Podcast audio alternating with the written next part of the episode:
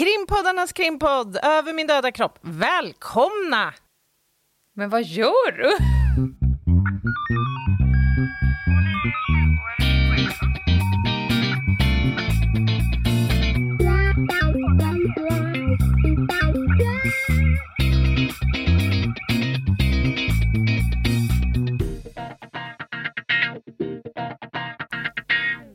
Det var du inte beredd på. Nej, jag, jag trodde att det hackade. Gud vad fräscht. Ja, jag tyckte det, Det var dags för en förändring. Och, och det var det. Ja. Du fintade bort mig direkt i inledningen. Underbart. Jag trodde knappt det var möjligt. Nej, men det, det gjorde du. Men några som inte är bortfintade utan som vi välkomnar in i podden är vår nya samarbetspartner eh, Brottsofferjouren. Ja, för guds skull. Välkomna in i poddvärmen, i poddfamiljen, där den Ja. mänskliga värmen finns. Ja. ja. Och, Och kanske nu när vi har varit skitnödiga så kan vi gå vidare och konstatera att vad vore lämpligare än att faktiskt nu när vi har dem på tråden så att säga köra brottsoffertema all the way. Det låter väl som en utomordentligt bra idé. Det här är ju oerhört eh, viktiga grejer. Ägna ett helt avsnitt åt brottsoffer. Det känns fint.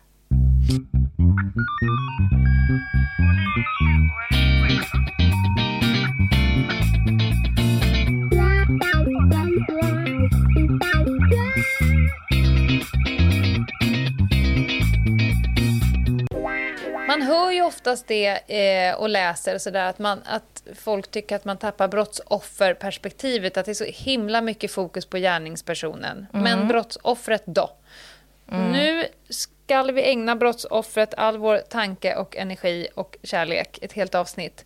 Men ska vi börja där vi bör börja, Anna? Vem är ett brottsoffer? Ja, det här finns det en liten definition för. Det, det är FN som ligger bakom den. Eh, och förenklat så kan man säga att brottsoffer är den som har utsatts för brott. Men inte bara den som är direkt, alltså målsägande, alltså den som har anmält brottet, utan alla som har utsatts. Och det, då kan det alltså vara då sådana som är indirekt utsatta. Vittnen, eller anhöriga, eller människor som har försökt att förhindra brottet. De är att betrakta Mm, det är som offer för utvidgat. Mm. brott. Ja, men precis. Och det kanske man inte tänker på egentligen, så ofta. Nej, det tror jag inte. Men om man tänker på vilka som känslomässigt kan påverkas av att ett brott har begåtts så är det ju fler än själva offret. Ja, Utan själva målsägande. Utan det är ju alla de som du rabblar upp. Det är klart som tusan att vittnen och anhöriga Mm. är på något sätt ett offer för brottet. Ja de är ju på något sätt drabbade av Mm. brottet, kan man väl säga. Men sen har vi ju det här med den juridiska benämningen också. Och det är mer ditt Eh. område, känner jag. ja, då heter det helt plötsligt målsägande. Ibland så tror folk att det heter kärande. Men det, då är det då är det ofta snack om pengar, på säga, men då är det civilrättsligt. Om man drar någon inför rätta, då är det, kanske, då är det man kärande. Ja, just det.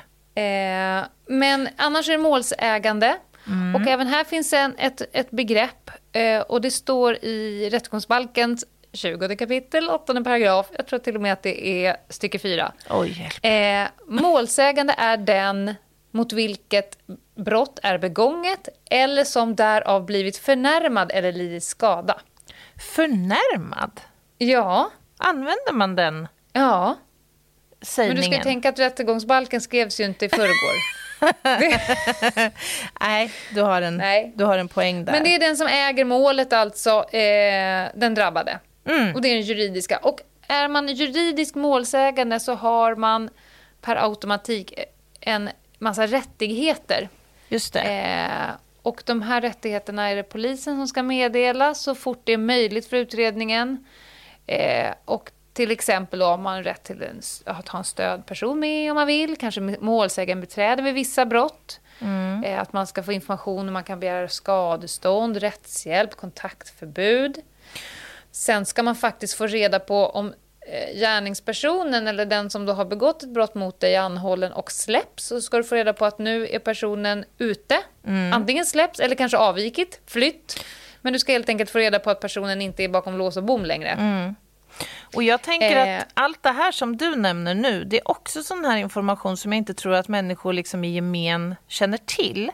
Och till och med Nej. kan vara den typen av information som får människor att avstå från att anmäla brott som man utsatts mm. för.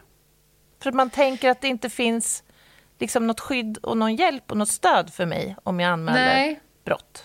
Om de bara visste rullisten av saker. Kommer du ihåg det här eh, när man satt och gjorde en polisanmälan? Ja.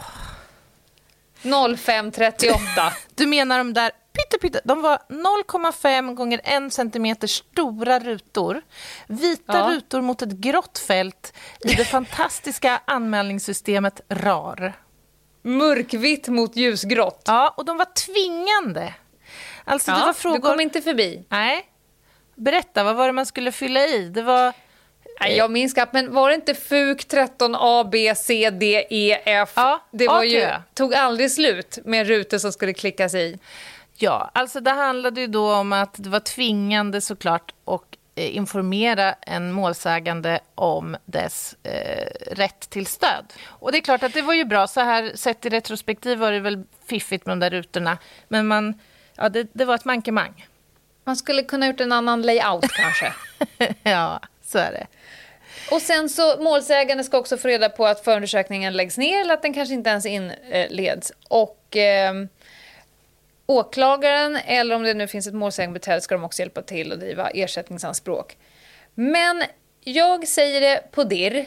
Mm. Allting som har målsägande beträde att göra. Vi ska ha ett helt rättegångsavsnitt där vi med noggrannhet kommer beskriva alla delar kring en rättegång och vem som gör vad och vem som sitter vad och, och vad som händer. Så mm. jag tror att vi lämnar målsägande beträde-delen, mm. den juridiska aspekten, till det avsnittet faktiskt. Ja, men det låter väl vettigt.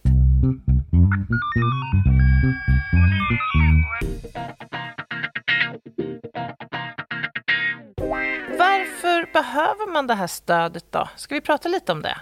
Vad innebär mm. det att vara eh, utsatt för brott eller brottsoffer? Det är ju... Alltså både du och jag har ju träffat ett antal människor som befinner sig i den situationen.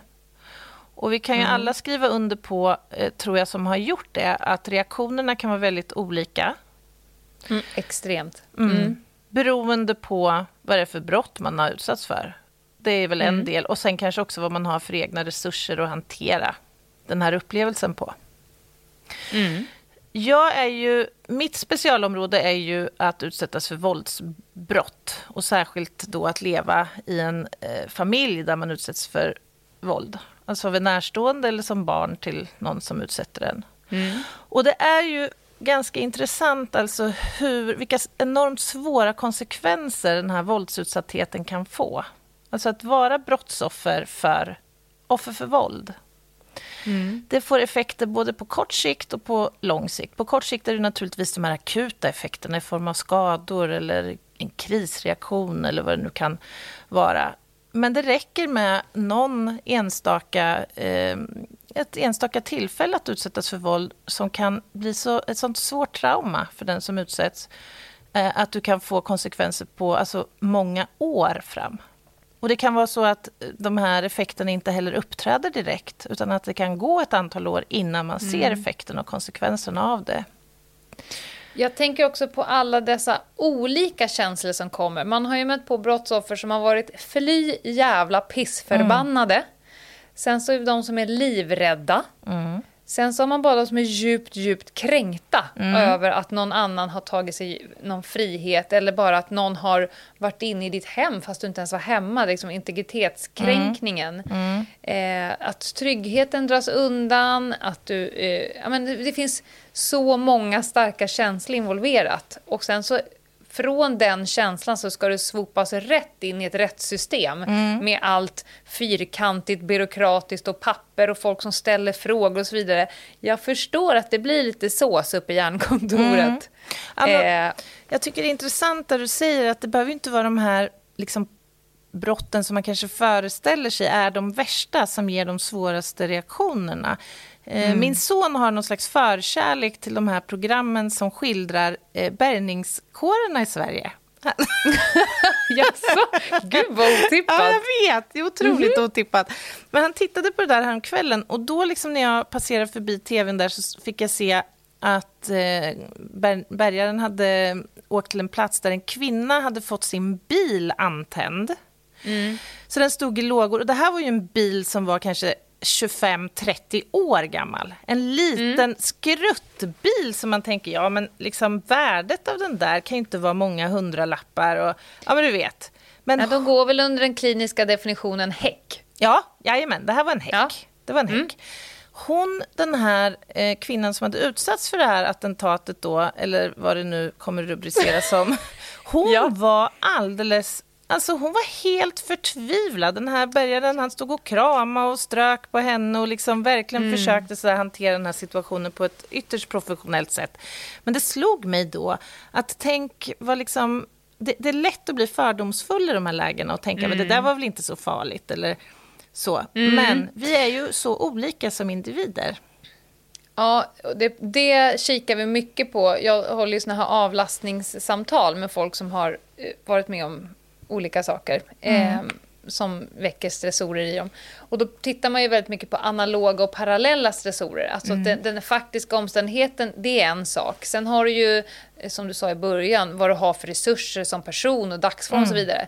Men sen har man ju analoga stressorer, alltså det här som du har varit med om nu, det påminner om någonting annat som du har varit med om. Det triggar någonting gammalt. Mm. Och sen så har vi de parallella stressorerna. Du kanske också sitter i skiten ekonomiskt, eller är sjuk, eller ligger i skilsmässa, vårdnadstvist, vad det nu än må vara. Mm. Och när en polis kommer på plats har de ingen jävla aning om vad den här personen står med. Nej. Utan får ju bara reaktionerna som ibland kan te sig ganska orimliga för mm. brottet. Mm. Jag vet en person som absolut var tvungen att flytta på dirr efter att ha haft ett inbrott. Ett inbrott. Du vet, ah. en klassisk bryta upp bakdörren, gå in, kolla lite i sängbordslådorna och så vidare. Men hon sa, jag kan inte vara i mitt hem när jag vet att någon har varit här. Det är förstört. Nej, alltså det där, och det här tycker jag är så ledsamt, för att inbrott är ju en sån här brottstyp som man liksom pratar lite grann om som att, vadå? Ja. Men faktum är ju precis det där du säger, vilken enorm kränkning. Någon har mm. grävt runt bland ens småbyxor och ja. annat. Ja, ja. Det är ingen härlig upplevelse. Mm. Ja, men kort sagt, när man har utsatts för brott så kan man vara i behov av stöd och hjälp och den finns att få. Ja. Ska vi ta och börja med brotts, själva brottsoffret, målsäganden. Mm. Eh, och då är det så här att polisen eh, och rättsväsendet i stort eh, ska ge stöd till, till brottsoffer. Jag hittade på polisens hemsida. Jag läser upp. Mm. Vid anmälan av ett brott ska du få information om vilka andra myndigheter och organisationer som kan lämna stöd och hjälp. Det är din kommun som har det yttersta ansvaret för dig som brottsutsatt. Fler kommuner har speciella stödcentrum för brottsutsatta. Brottsofferhandläggare nås via 114 14, det är polisens eh, nummer om det inte är akut. Mm. Eh, och sen så vet ju vi alla de här frågorna eh, man ställer och alla, all information som man ger till målsägande. Mm. Eh, det folk inte vet tror jag att man får ta med sig en stödperson själv om man vill. Till exempel om du ska sitta med ett förhör och är alldeles förstörd. Mm. Nu är det polisen som avgör om du får ta med den här för att eh, det får inte vara till men för utredningen. Så Nej. det kan vara så att du inte får ta med någon. Men, men eh, då, då, det är efter en viss bedömning då. Men mm. annars så får du ha med en, en egen stödperson. Eh, om du har varit utsatt för till exempel eh, sexualbrott eller misshandel eller någon fridkränkningsbrott. Då träder du in det här med målsägande beträde eller juridiskt biträde. Mm. Eh, och det tar vi en annan gång mm. i rättegångsprocessavsnittet. Sen finns det faktiskt jättemycket information att tillgå och hjälp. Det finns ju till exempel, visste du om att det finns en rättshjälpsmyndighet? Nej. Nej. Nej, det hade ingen Rätts... aning om. Brottsoffermyndigheten rätts... har jag hört talas om, men inte Rättshjälpsmyndigheten. Ja, de, de flesta tänker nog på Brottsoffermyndigheten, men Rättshjälpsmyndigheten.se, där fanns det väldigt massa information som jag hittade. Mm. Visste faktiskt inte heller om det. Eh, Och sen är det ju så här att från polisens håll och rättsväsendet så finns det eh, en hel rad med skyddsåtgärder mm. för eh, brottsoffer. Och det skulle jag vilja nämna några saker om. Mm. För att folk, eh, jag, jag, tycker mig höra att det är lite så här, ja men varför får jag inte skyddad identitet? Varför får jag inte ingå i det här skyddsprogrammet och så vidare? Mm, mm. Då vill jag med bestämdhet säga att det här vill man inte göra om det inte absolut behövs. Mm. Utveckla. För, Berätta ja, men Det är så fruktansvärt integritetskränkande. Då är det egentligen så att polisen kliver in och tar över ditt liv, kan man nästan mm. säga. Så du kan inte leva ditt vanliga liv då, utan då kanske du får bo på annan ort. Mm. Du får heta en annan sak, du får inte umgås med din familj. Alltså, det måste ju vara så fruktansvärt jobbigt. Ja, exakt. Eh, det finns en steg i det här. Det första, det lindrigaste, det, minst, eh, det minsta ingreppet, det kallar man för sekretessmarkering. Mm. Då är det egentligen eh, Skatteverket, då lägger de en liten man kan säga att det är en varningssignal. De lägger en liten puff i systemet att eh, dina uppgifter får inte lämnas ut innan man har gjort en så kallad skadeprövning. Mm. Eh, helt enkelt att vem som helst ska inte ringa, för vi lever i ett väldigt offentligt land. Ja, Annars är det så att vem som helst kan få ut nästan vad som helst om mm. dig. Men lägger man en sekretessmarkering då behöver det åtminstone ske en, en prövning innan uppgifterna lämnas ut. Mm. Nästa steg det är skyddad folkbokföring. Då bor du kvar, men du skrivs på annan ort än där du bor kvar. Mm. Alltså du bor på en ort och du skriver någon annanstans. Helt Just enkelt det. för att det ska vara svårare att söka upp dig för någon mm. som inte kan ge sig. Sen har vi fingerade personuppgifter. Mm. Då är du helt enkelt inte du längre. Det här är, ett, det är polisen som tar beslut och det här görs ju efter ordentliga riskbedömningar. Mm. Nu börjar det bli krångligt att leva, ska jag säga, de fråga... som kommer upp på den här nivån. Ja, det kan man ju verkligen tänka sig. Mm. Är det här någonting som blir bestående forever? Liksom, om du har bytt då namn och allt det här, mm. kommer du kunna byta tillbaka sen? Vet du det? Eh, jag har aldrig liksom stött på jag vet, fenomenet i ett, verkligheten. Jag vet ett gäng personer som det är liksom never ending story, för då, vad är det som gör att du Alltså, man får tänka så här. Vilken bedömning var det som gjorde att du hamnade där? Mm.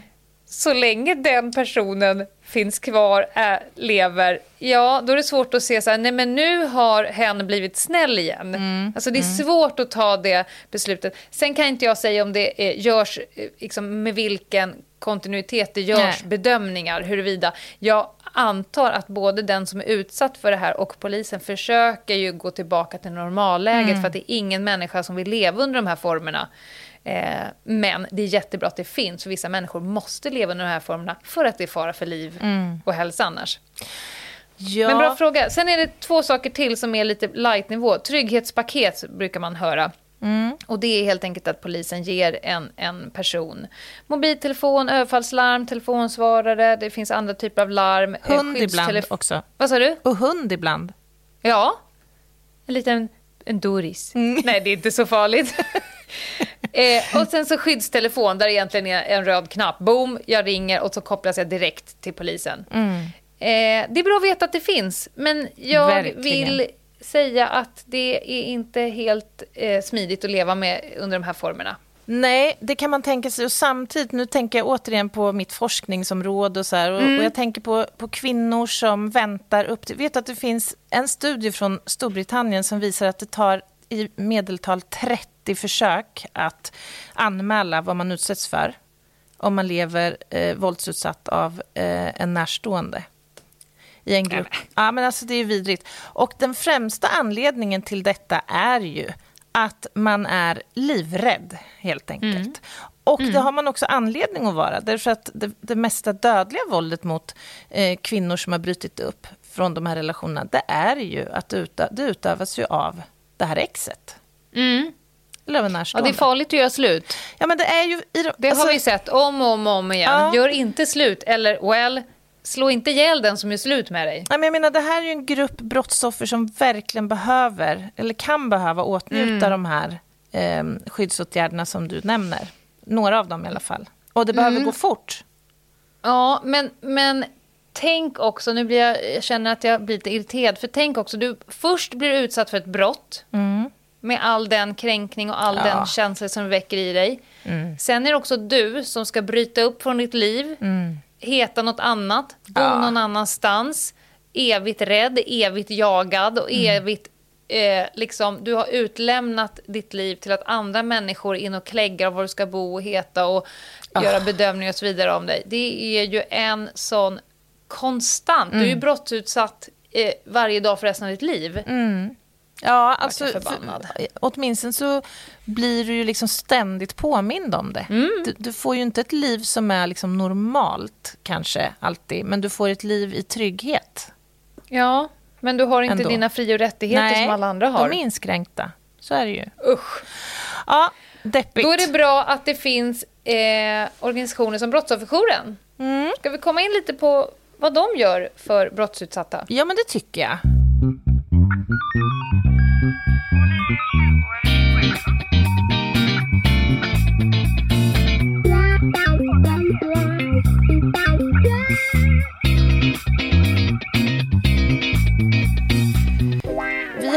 Eh, ju en liten harang där, Lena. men jag läser här för att jag tyckte att det var så eh, väl beskrivet. Brottsofferjouren är en politisk och religiöst obunden ideell organisation som ger stöd till brottsoffer, vittnen och anhöriga. Det spelar ingen roll vem du är eller vilket brott du har utsatts för. De brottsutsatta kan vara anonym, stödet är helt kostnadsfritt, de har tystnadslöfte och ingen polisanmälan krävs. Ska vi smaka lite på det här? Det är helt fantastiskt alltihopa. Verkligen. Ideell organisation. Vilka hjältar. De, om, och de har 70 lokala jourer runt om i landet och cirka 1300 volontärer som varje år ger stöd till cirka 70 000 brotts, brottsdrabbade. Ja, men det är ju helt fantastiskt. Ja. Verkligen. ja, det är det.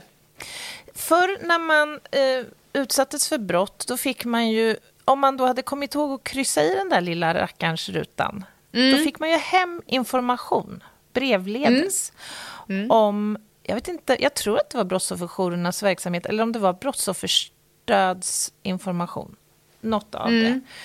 Eh, jag vet inte om det fortfarande är så, men jag hoppas ju att det är så. Och då blir min tanke så här, då kan man hoppas att den också finns på en massa olika språk. För hur ska man som icke-svensk förstå att man faktiskt har de här rättigheterna och möjligheterna till skydd och stöd? Eh, jag smurfade ju runt lite på deras hemsida. Jag kan konstatera att det var långt över 20 olika språk i alla fall på hemsidan. Fantastiskt. Ja, mycket bra. Mycket, mycket bra. Sen kan man väl skaka fram en tolk eh, i värsta fall. Ja, ja, ja, Mm. såklart. Så det är eh, i huvudsak volontärer som eh, bygger den här verksamheten. Mm.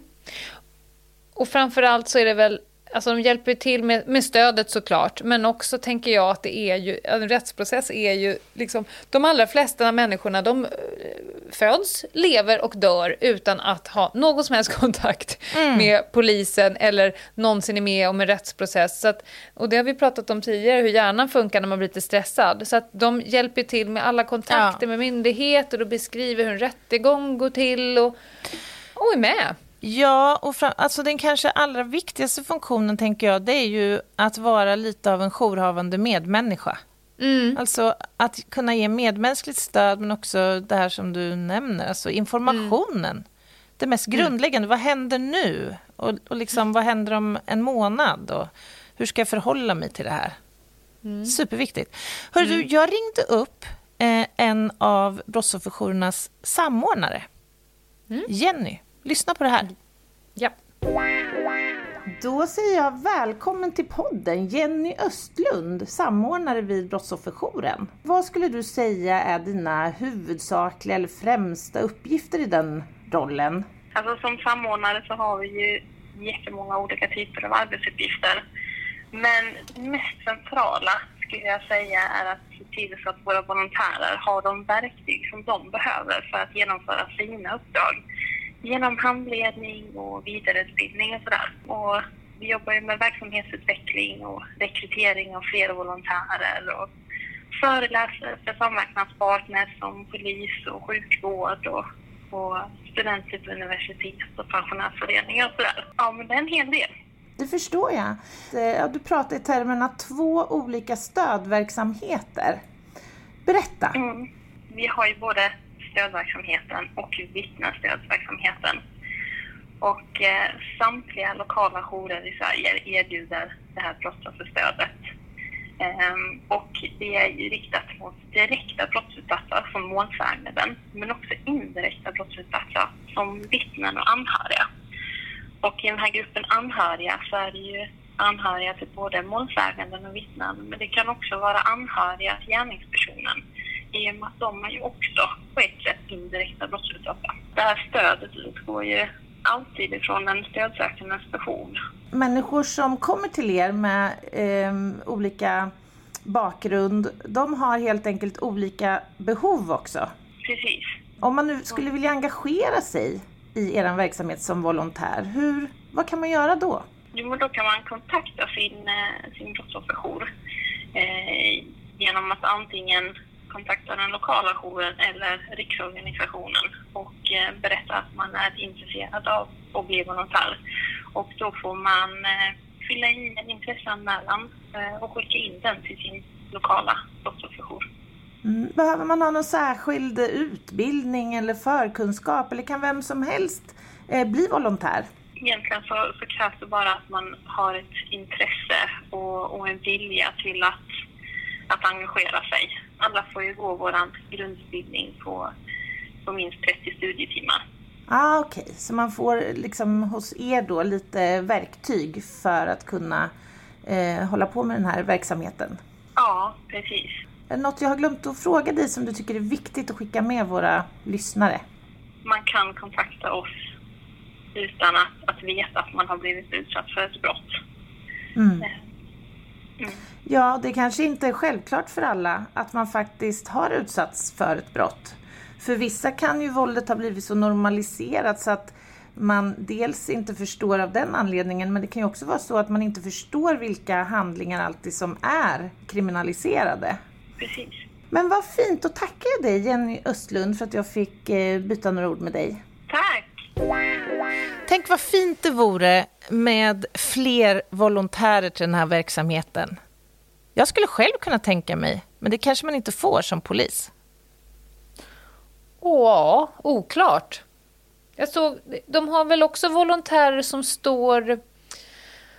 Det är väl från brottsofferjouren. De står i våra domstolar mm. och ja, tar emot. Ja, När det kommer någon förvirrad person med en A4-papper, eh, en kallelse och så glider man in där. Det är ganska eh, pampiga, mäktiga, mm. eh, lite så här... Oskrivna regler o, ja, men, o, opersonliga platser. Och då vet mm. jag själv att folk går in där och bara, man går fram på någon tavla där och så är det någon som säger eh, förhandlingarna, mm. bla bla bla, mm. fortsätter i sal 3. Det, det, är ju en annan stämning där. Ja, men där så jävla gött att det står en person där då och säger hej, du ja. ser förvirrad ut, ska jag hjälpa dig? Ja, det är, det är fantastiskt. Fint. Nej, men alltså, jag var ju själv ganska nyligen i domstolen mm. eh, på förekommande anledning. Och jag måste säga att det är ju, jag, menar, jag nämnde det med oskrivna regler. Man vet inte riktigt hur man ska bete sig. Det är ju först Nej. säkerhetskontroll och sen när, när får man gå in i salen mm. och när får man inte sitta kvar och vad får man säga och inte. Alltså det är ju lite speciellt. Eh, och att sitta utanför dörren och vänta på att gå ja, in och också, dela bänk med ja. den som man ska eh, sin antagonist, så att mm, säga. Mm. Ja, ja. Mm. Visst. Nej, men det, det är ju jättebra att den här funktionen finns i de här lägena, naturligtvis. Mm. Eh, men vi kan väl uppmana, om det finns, vi kanske har lyssnare som är intresserade av att engagera sig i Brottsofferjouren. Det tycker jag att ni ska passa på att göra. Mm. Ta kontakt med jag verkligen. lokala... Man får ju någon form av internutbildning. Ja, precis.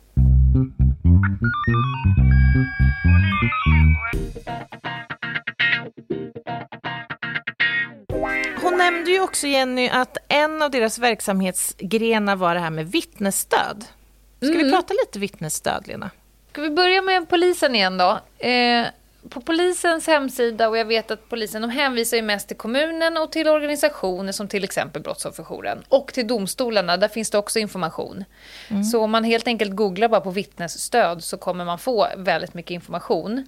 Eh, polisen själva, det heter inte vittnesskydd vittnesskyddsprogrammet kan man höra. Men ja. det heter polisens särskilda personsäkerhetsprogram. Mm -hmm. eh, och där kan man eh, vispas in om man är en person som har en stor betydelse för ett utfall i en rättsprocess. Eh, och så görs det en bedömning, eh, att det är en stor risk för den här personen. Alltså att helt enkelt så handlar det om att rättssamhället vill att vittnen ska våga vittna, mm. även om det är fara för dem. Men stor betydelse, pratar vi liksom kronvittnen här? Någon som ja. har stått på första parkett och bevittnat Exakt. en händelse? Det, eller? Ja, och det är lite kopplat till vad är risken för dig. Mm. Om du bara är ett vittne som har sett, inte vet jag vad du vittnar på, att det var en bil i området eller något sånt där. Mm. Då är det inte heller särskilt stor risk att någon skulle jaga dig med, med ljus och lykta efteråt. Utan det är ju de här vittnena som kanske är eh, huvudvittne till att det, det, blir kanske en fällande dom. Mm. Tillsammans med annan bevisning såklart. Mm. Återigen, det här är ett stort ingripande i en persons liv mm. och det här sker ju bara i undantagsfall. Ja. För att det är så besvärligt att leva under den här formen av, av skydd. Men ska vi prata, för att det här är ju en, ett område som är omhuldat av en, an, ett antal funderingar och tankar. Alltså jag vet mm. inte hur många gånger jag har fått frågan, måste jag vittna? Om jag kallas att vittna, måste jag komma och vittna? Mm. Vad säger vi till det dem? Måste du. Ja. det, är ju, det är ju vite annars. Mm. Eh, finns vissa som inte behöver vittna. Mm. Som är, man behöver till exempel inte vittna ner sig själv. eh, du behöver inte heller vittna ner eh, närstående. Nej, alltså, det, du behöver helt enkelt inte gola ner din eh, partner, din äkta make eller maka eller mm. dina barn och sådär. Det finns ett skydd för att det, eh, ja, det är lite för eh, kränkande att du skulle behöva göra det. Det sätter enorma men i familjebilder till exempel. Mm. Men i övrigt så är du kallad som vittne, då är det bara att skriva på kallelsen. Du får en kallelse hem, man signar på att man har fått den och man skickar in den inom ett visst datum. Och sen så står det på det pappret att om du inte gör det här och inte dyker upp så får du vite.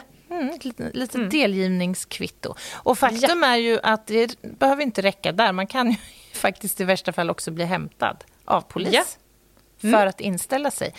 Och Sen vet jag att många funderar på också, får man vittna anonymt? Näpp. Näpp. Näpp. Näpp. Eh, av samma anledning ju. Mm. Det är ju, rör ju våra rättsprinciper, helt mm. enkelt. Man ska veta vem som mm. vittnar och den som du vittnar emot ska veta vem det är som vittnar så att det inte blir någonting att det ska fabriceras eller, eller något sånt där. Mm. Däremot så finns det skyddsåtgärder även här. Till exempel så kan du få sitta i enskilt rum mm. eh, innan. Till exempel att du inte behöver dela på den här bänken mot den du ska vittna emot, varken innan eller efter eller i fikapausen. Och du kan få sitta där med en stödperson eller ett målsägandebiträde eller någon som, från brottsofferjouren. Så mm. det, det, går ju liksom att sköta det så långt som möjligt eh, snyggt. Men jag vill säga nu här, för att det är en sån... Eh, jag ska säga, det är mycket ovanligare än vad man tror att man som vittne blir utsatt för någonting. Mm. Det finns ju ett brott som heter övergrepp i rättssak mm. eh, som vi kan komma in på mer när vi pratar om rättegångsprocessen. Men alltså att någon försöker påverka dig att, att anmäla eller att inte anmäla eller ge dig någon form av hämnd för att, att du har anmält eller vittnat och så vidare. Mm. Det är ett brott som man tar ganska allvarligt ja, på. Ja, verkligen. Och det där brukar ju då ske under pågående så att säga, förundersökningsprocess. Ja. Eh, och då tas det ju med i åtalet. Ja.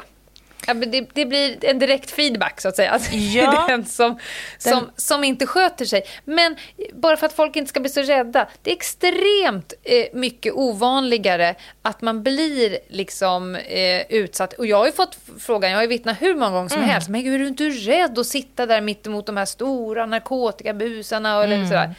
Nej men att de skulle lägga all sin makt och energi på att jaga rätt på någon som har gjort vad de ska inom, mm. liksom, som medmänniska eller i det stora eh, världsalltet. Mm. Det är inte så vanligt skulle jag säga. Nej. Det är mer om, det är, om man har att göra med en ordentlig knasboll. Mm. Alltså att det är ett psykfall. Mm. Men det görs ju då riskanalyser om, om vi ska nu ta till några skyddsåtgärder. Mm. Man ska inte vara så rädd. Det, det är mitt budskap. Nej, det ska man inte. Jag håller med dig där. Mm. Utan man ska gå och göra vad man kan för att ja. en, eh, ja, men en rättegångsprocess också ska bli rättvis. Det är så många aspekter i den här mm. grytan på något vis. Mm. Det är en viktig rättsprincip vi har. För vad händer om du inte vittnar, brukar jag vända på. Mm. Ja, men det vad är innebär bra. det? Precis, men det är ju en jättebra frågeställning. Mm. Även om den kan vara lite jobbig att få i sitt ansikte, det är jag medveten om. Men du har, alltså ett vittne är ju ett vittne på grund av att den har gjort iakttagelser som är viktiga för utredningen. Mm. Mm. Och de iakttagelserna ska upp på bordet. Och då är det ju jättebra att Brottsofferjouren finns, som är med under hela den här processen. Och det här måste jag säga att jag blev lite förvånad över. Mm. Hur mycket arbete de också gör för vittnen, ja, så som med. brottsoffer. Mm. Jag visste inte heller eh, det. Fokus här nu, det är ju för att kunna ge information och för att få vittnet att känna någon form av trygghet, även om det är en ganska onormal situation. Mm. Ser vi till rättssamhället så är det ju här toppen. För har vi vittnen som känner sig liksom stöttade, eh, som har god information, känner sig trygga under hela processen, ja vad får vi det? Då, då får vi ju bättre rättegångar, mer rättvisa. Mm. Nu är vi tillbaka. Ett vittne som inte har någon syris och frontallob mm. är ett ganska kast vittne. Mm. Ett vittne som har tillgång till eh, alla sina processer eh, och kan finna ett ganska stort lugn i en rättsprocess kommer också vara ett bättre vittne. Mm. Ett mer rättvist vittne. Definitivt. Så det gillar vi. Eh, och vad gör då vittnesstödet under brottsofferjouren? Eh, de pratar mycket om vad det innebär att vittna. Eh, man får titta nästan på en, en tavla. En, en laminerad eh, tavla där de har målat upp rättssalen. Titta på en tavla? Ja men alltså de har ju gjort en tavla, jag har sett den. Den är helt fantastisk. Men berätta, vad är det för tavla? Om du tänker ett fotografi på en rättssal Aha, och så stoppar du in den i en laminatorapparat Så den blir hårdplast fram och bak. Snart ja. kommer du förstå vart jag är på väg. Ja, det här, det här, du bygger upp det bra. Så då får du som vittne när du ska vittna och, eh, och ser bara en dörr framför dig. Då har du, när du kommer in i den där salen, då har du redan sett hur det ser ut där. För då har de suttit med en skiss framför mm. dig där det mm. står här sitter domaren, här sitter nämndepersonerna. Här är den tilltalade, alltså den misstänkta. Här är målsägande. Här i det här lilla båset ska du sitta. Det kommer börja med att du får eh, avlägga ed. Du får inte eh, hitta på någonting. Om du inte minns så ska du säga det. Och så går man igenom allt det där mm. i förväg. Mm. Vilket är tipptopp. Man skulle inte kunna tänka sig att komplettera med en liten film? Att man helt enkelt spelar in hur det kan se ut i en sån där sal? Och... Ja, jag tror nog att på Brottsofferjourens hemsida så såg jag mig ganska mycket små duttfilmer där de beskriver olika eh, sekvenser eh, av en rättsprocess. Mm. Jag tror faktiskt att man kan gå in på brottsofferjouren.se och, och kika runt där så hittar man nog kanske ett par filmer. Grymt bra! Ja. Eh, och sen kan de också hjälpa till med liksom, hur du ska gå tillväga eh, för att söka ersättning kanske. Mm. Och jag fick ju tag på en tjej som heter Tina som har varit vittne för ett brott, det var en misshandel, mm -hmm. och fått hela Brottsofferjourens eh, stöd kring det här. Oj, vad intressant. Så det är ingen idé att jag pratar om det här längre, för hon beskriver det här så himla bra själv. Så att vi lyssnar på intervjun. Tack så mycket för att jag får delta och dela med mig av mina erfarenheter av Brottsofferjouren. Ja. Eh, ja, det stämmer mycket väl. Jag har varit med i en rättsprocess eh, från, i och med att jag varit vittne och eh, varit med och vittnat i tingsrätten och så. Så att, jo, Brottsofferjouren var mitt stöd. Ja, och det är kanske inte så många som vet att eh, brottsofferjour, man tänker ju på brottsoffer, alltså den som är drabbad av brottet, men de har alltså hjälp även för vittnen. Ja, och det, min tanke från början var inte alls, eller jag hade ingen kunskap heller om att Brottsofferjouren faktiskt hjälpte vittnen på det sätt de eh, visade sig göra. Utan jag kontaktade dem för att eh, få någon som kunde tala om för mig hur det går till när man är vittne i en rättegång. Eh, för det är ju ingenting man liksom normalt vet så och ska veta kanske heller. Nej, Men, nej det är ju en, kan vara en ganska påfrestande situation om man inte har ja, varit med jag, förut. Jag tror inte att man kanske heller vet att det är en påfrestande situation, för det blir det. För det är en speciell mm. sits när man har... När man går in som vittne så eh, har man ju en avgörande del i rättegången. Man ja, är exakt. Av en anledning. Ja, känslan av att det jag säger nu kommer att påverka andra människor. Det kan vara ganska starkt påslag. Precis, och det tror jag inte heller kanske att jag från början hade begripit. Nej. Men ju närmare man kommer rättegången så förstår man ju stundens allvar. Mm. Och eh, när jag ringde Brottsofferjouren så var det som sagt att få reda på ja, men hur går det till, när ska jag vara där, eh, hur ser det ut, vad förväntas jag säga, vad kan jag säga, vad får jag säga och vad ska jag inte säga, ungefär i den. Okej, okay. så det var du som kontaktade Brottsofferjouren? Ja, och det var utifrån att när man får det här äh, kallelsen som vittne till åtalet eh, till tingsrätten mm. så står det att det kommer att finnas vittnesstöd på plats och då kände jag, mm, vänta nu, det finns något som heter vittnesstöd och jag är ju lite praktisk och eh, sådär, tar tag i saker så jag googlade ju givetvis och hittade Brottsofferjouren och såg att det fanns även som vittne att man kunde kontakta dem. Och så det gjorde jag. Ja. Bra! Ja, det var väldigt bra visade det sig. Får jag fråga, vill du berätta vad det var för ärende? Vad var det för brott? Ja, det var en misshandel och mm. en i, eh, i nära relation kan man säga. Eh, både för den som blev misshandlad och jag i min relation till den som blev utsatt. Ja, jag förstår. Så det var ju ganska påfrestande även personligen ja. i hela processen. Att det var inte bara vem som helst som hade sett på gatan som inte hade någon relation till Nej. det det blev mycket runt omkring. Hur såg stödet ut då? Var, du kom dit och du ringde och du fick kontakt. Och hur, hur såg själva stödprocessen ut för dig? Ja, jag, blev, eller jag ringde dit och anmälde mig så att säga och lämnade telefonnumret och sen blev jag uppringd. Mm. Och den personen som jag blev uppringd av från Brottsofferjouren blev den person som hela tiden hade kontakten med mig. Så jag bytte aldrig. Det var inte någon annan som ringde. Mm, utan proffsigt. det var samma person. Ja, mycket mycket, mycket skönt. Så vi blev ju som, det kändes ju som att man blev lite kompis. Ja. fast, fast så här ärlighetens namn ska jag säga, jag kommer inte ens ihåg vad hon heter. Nej, men det var inte relevant gissar jag för dig.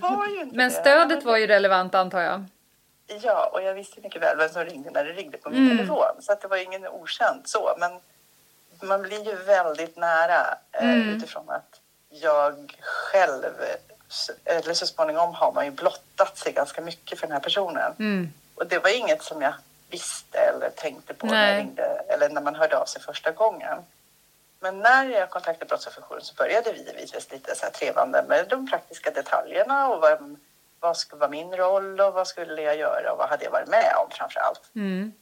Och sen eh, tror jag, jag hade aldrig förväntat mig att få sån stöttning som jag fick. För rätt som det var så kom ju den här frågan som man aldrig får av sina ens närmaste vänner och det är den här Hur mår du?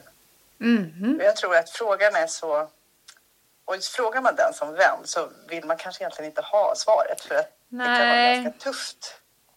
Och, framför, ja, och framförallt så kan det vara jobbigt att ge det svaret till människor som står nära för då känner du automatiskt att du har ansvar för den personens känslor som du väcker. Ja. Så det är tryggt ja. att ge det till någon som har det som jobb och som du inte har en relation till.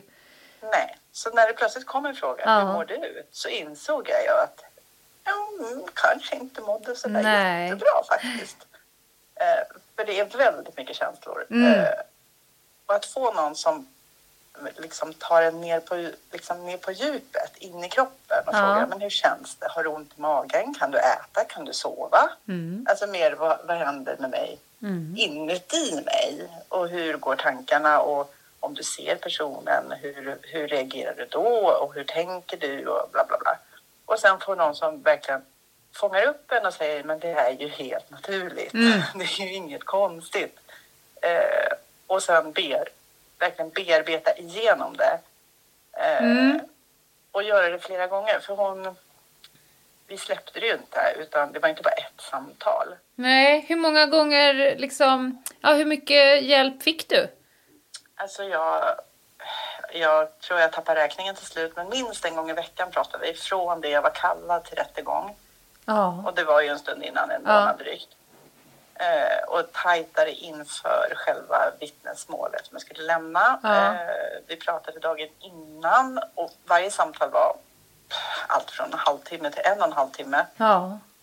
Och hela tiden bokade vi ny tid för hon släppte mig inte. Nej men vi bokar ny tid, säg en dag nästa vecka, jag, vilka dagar kan du? Och så ringde hon upp, alltid på tid. Och Ja. så pratade man och eh, så inför rättegången så sa han, ah, och när du kommer dit så finns det någon annan på plats där. Hon själv kunde inte vara där. Och så men jag ringer dig dagen efter så pratar vi.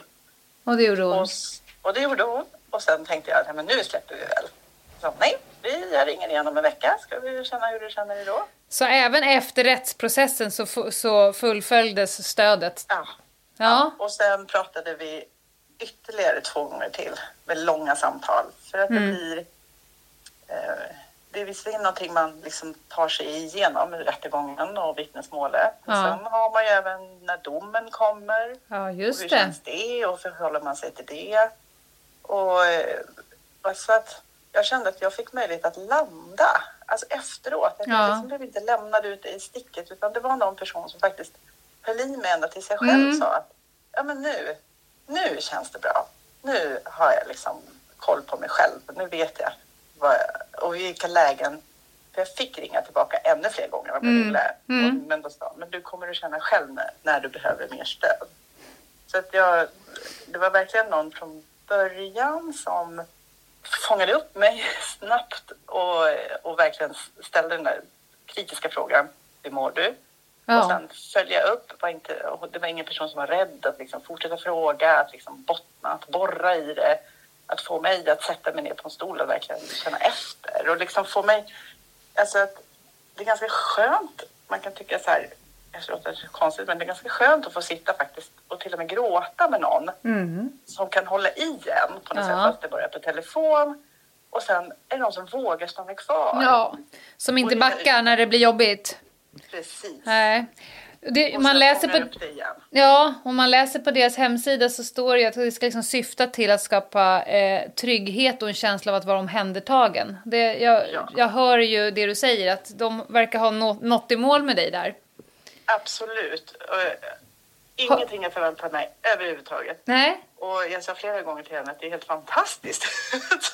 Ja. Vad de gör och vad de ställer upp och liksom finns där. Och jag bara, men Och det har inte kommit någon sur räkning efteråt? nej, nej, nej.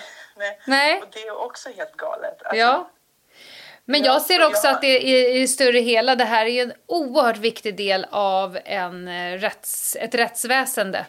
Att vittnen eh, är trygga och känner sig omhändertagna.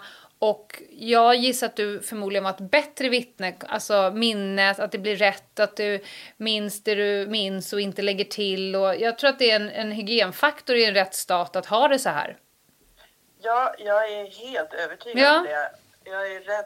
Alltså man, det är nog alldeles för många vittnen som går till rättegångar utan att veta att de hade kunnat få Mm. innan. Jag kände för faktiskt att jag var vid medvetandet när jag gick in Mm. i rättegångssalen, att jag var där. Vi har tjatat väldigt mycket i den här äh, podden om hur hjärnan eh, reagerar under stress och vad man har tillgång till och inte tillgång till när man är stressad. Och jag tror att du hade en tämligen stor tillgång till alla dina funktioner i hjärnan när du satt där på ett större sätt än, än om du eh, inte hade fått det här stödet. Ja, och jag, en eloge också till den som faktiskt jobbar som vittnesstöd på plats i Ja, just det. Nej, men tack snälla Tina för det här eh, beskrivningen från eh, vittneshållet. För det är inte, som sagt, det är inte alltid man tänker på att även vittnen eh, är ju på ett sätt brottsoffer och kan behöva stöd. Så det var Absolut. jätteviktigt för oss. Ingen orsak. Tack. Ja. Jag blir glad när jag hör den där intervjun. Mm. Eh, Däremot så blir jag eh, lite försiktigt brydd över att om, om inte alla vet om det här. Så att nu helt plötsligt så tycker jag att vårt avsnitt blev ännu viktigare. För att Tina, det Tina gjorde själv, hon fick ju en kallelse hem i brevlådan att hon skulle vittna. Mm. Eh, och då tog hon ju själv kontakt med Brottsofferjouren. Mm. Men de som inte gör det då? De som inte är så eh, handlingskraftiga som Tina. Så att nu vill jag att alla ni som lyssnar, sprid det här om ni eh, vet någon som har utsatts för brott, en anhörig, eh, målsägande, vittne eller någonting annat. Så tipsa om att det finns en ursäkta uttrycket, shitload av Mm. hjälp att få om man bara lyfter på luren och ringer till Brottsofferjouren. Ja, och sen också att man minns då att alltså brottet behöver inte ens vara så att säga polisanmält. Nej. Och det kostar ingenting. Nej. Så det är väl en jättebra grej att börja där. Om man känner olust eller osäkerhet i den här processen. Mm.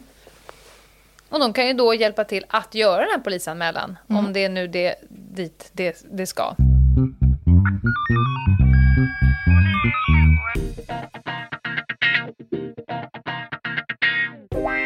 Med det sagt, alltså brottsoffer eh, har vi då lärt oss att det är inte bara den som är utsatt för brottet direkt, utan även andra människor som har på något sätt utsatts eh, indirekt av det här brottet. Eh, och sen har vi kikat på alla former av stöd man kan få. Jag skulle vilja slå ett slag för den gamla hederliga stödtrappan. Eh, att när man har blivit utsatt för något, det kan vara ett brott, det kan vara vad som helst, eh, att ge sig själv stöd eh, på det sättet som eh, just du behöver. Vissa personer behöver gå ut i skogen, andra lyssnar på musik, någon börjar brodera, du spelar tennis. Eh, det vi vet är att fysisk aktivitet, sömn, mat eh, och sen ser vi, har vi, finns det också ganska mycket som typ att, att skriva av sig händelsen. Det, är- det är saker som vi vet eh, fungerar för i princip alla. Men sen har man ju också individuella go-to Behov. när livet kärvar ordentligt. Och jag tänker att mycket måste ju handla om vilket skyddsnät man har runt omkring Mm. sig i sin absolut närhet. Familj, vänner, allt det där. Mm. Men då kan det också vara lämpligt att påminna om att vem som helst kan ju vara ett stöd för någon annan som utsatts Mm. för brott. Ja, verkligen.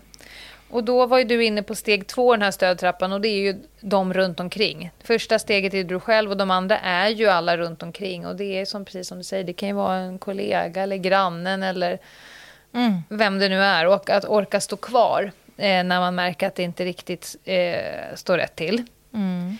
Nästa steg är ju att få någon hjälp med avlastning. Och det är där vi kommer in med såna avlastande samtal. Eh, och sen så finns det ju hur många åtgärder till på det här. Det finns ju ända upp i kristerapi. Det känns ju hoppfullt på något vis. Ja. Alltså veta för ens egen del också. Ja. Om man skulle hamna i en kris eller en sån här Ja. situation. Eller veta att det finns ju faktiskt mycket att göra. ja. Och det har ju hänt mycket på det här planet. Liksom förr, 70-talet, det var lite Stålmansidealet. Då var det liksom ta en tablett och, och, Gå och och, bajsa. och le bara. ja. Ja, eller, det var universallösningen på det mesta. Ja. Och sen kom ju eh, lite mera eh, debriefing och de här chockfaserna som man pratar om att alla måste gå igenom de här faserna. Man har ju sett att det måste man inte alls och alla har inte alla faser och vissa har inga alls. Eh, men nu, eh, det som gäller nu som vi jobbar mycket med det är att människan själv har ju enorm kapacitet till självläkning. Eh, om man bara stöttar eh, längs vägen och ger lite nycklar. Man måste inte gå ner i barndomen och gräva. Nej, utan precis. Man, man beskriver händelsen, man pratar om den och som Tina sa i sin intervju att man gick, de gick igenom den igen och igen Mm. och igen. Bara den specifika händelsen för att bearbeta för att sen känna eh, att nej, nu behöver jag inte ringa längre. Mm. Ja, men Igår behövde det. jag, men jag, jag har inte behov av att ringa henne längre och säga det här en gång till. Vad intressant. Det slår mig ju att det blir ju egentligen två väldigt viktiga effekter. Det blir ju dels stödet som part i ett mål, till exempel då. Eh, Men det blir ju också ett sätt att liksom bearbeta själva traumat som man utsatts för. Alltså, Mm, det är ju kanon.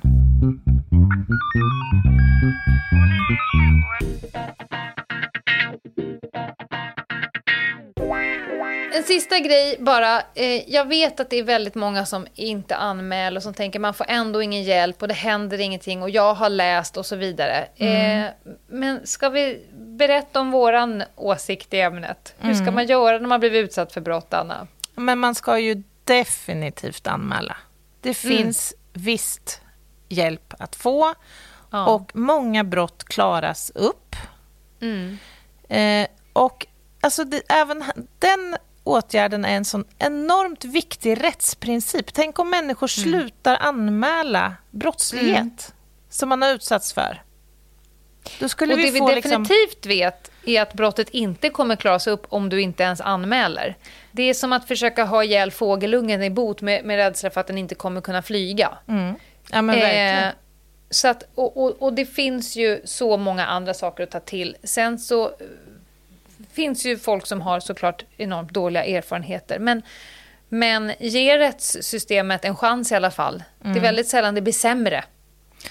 Ja, definitivt. Mm. Och det, det är också en väldigt viktig del av en rättsstat och en demokrati. Att ha Mm. möjligheten att faktiskt anmäla och ha ett rättssystem som fungerar. Mm. Och som har till uppgift att eh, utreda brottet men också på något sätt eh, försöka och komma till någon form av rättvisa. Mm. Upprättelse. Också, också en, en känsla för sig själv, att stå upp för sig själv. För om du inte polisanmäler, då, jag har pratat med, med personer som eh, efter lång tid har polisanmält, för att känslan av att jag drog inte strecket, jag, jag stod inte upp för mig själv. Det. Att Ja. jag blev först kränkt för brottet och sen har jag liksom kränkt mig själv genom att på något sätt tillåta i och med att jag inte polisanmälde.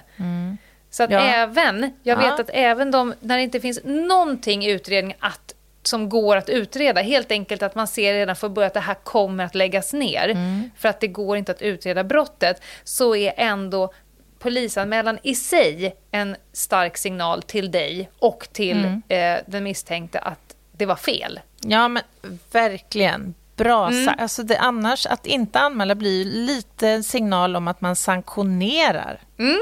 våldet eller brottsligheten, vilken typ det nu än må vara. Men, Sen har vi sådana rättsprinciper att det, det krävs att det är styrkt. Eh, så att man kan inte fälla personer för att det varken är polisiärt ut, eh, rätt eller att du själv tycker, utan det är så att människor som vi vet har begått brott går fria. Men, men det är inte anledning att inte anmäla. Nu tror jag att vårt budskap har ja, gått fram. det tror jag med. Men du, vad ska man göra då? Hur ska man komma i kontakt med Brottsofferjouren? Då ringer man till Brottsofferjourens nationella nummer 116 006. Eller så går man in på brottsofferjouren.se där man också kan chatta med dem. Och kom ihåg nu allihopa att det går att vara anonym i alla sina kontakter med Brottsofferjouren. Mycket bra. Och man kan få hjälp även om man inte pratar svenska. Yes, Det är fantastiskt. det var det här avsnittet. Oj, förlåt. Nu nickade jag micken. jag var så till mig. Ja, men oerhört viktigt ämne. Tycker jag. Och på måndag är vi tillbaka med en ny veckans spaning med Meta. Och tills dess, vad gör man då, Anna? Ja, men då går man ju in på Instagram för Ja. bövelen. Ljungdahl och Ginghede. Där hittar ni oss. Ni kan också mejla på ljungdahl och ginghede at gmail.com. Ses nästa vecka. Det gör vi. Hej!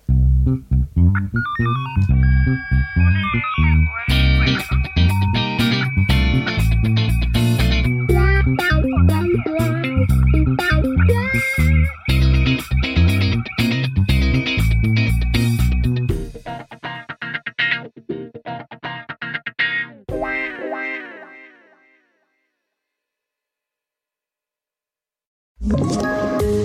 Poddtips från Podplay. I podden Något Kaiko garanterar östgötarna Brutti och jag, Davva, dig en stor dos skratt. Där följer jag pladask för köttätandet igen. Man är lite som en jävla vampyr. Man har fått lite blodsmak och då måste man ha mer. Udda spaningar, fängslande anekdoter och en och annan arg rant. Jag måste ha mitt kaffe på morgonen för annars är jag ingen trevlig människa. Då är du ingen trevlig människa, punkt. Något Kaiko, hör du på Podplay. Därför är gardinerna.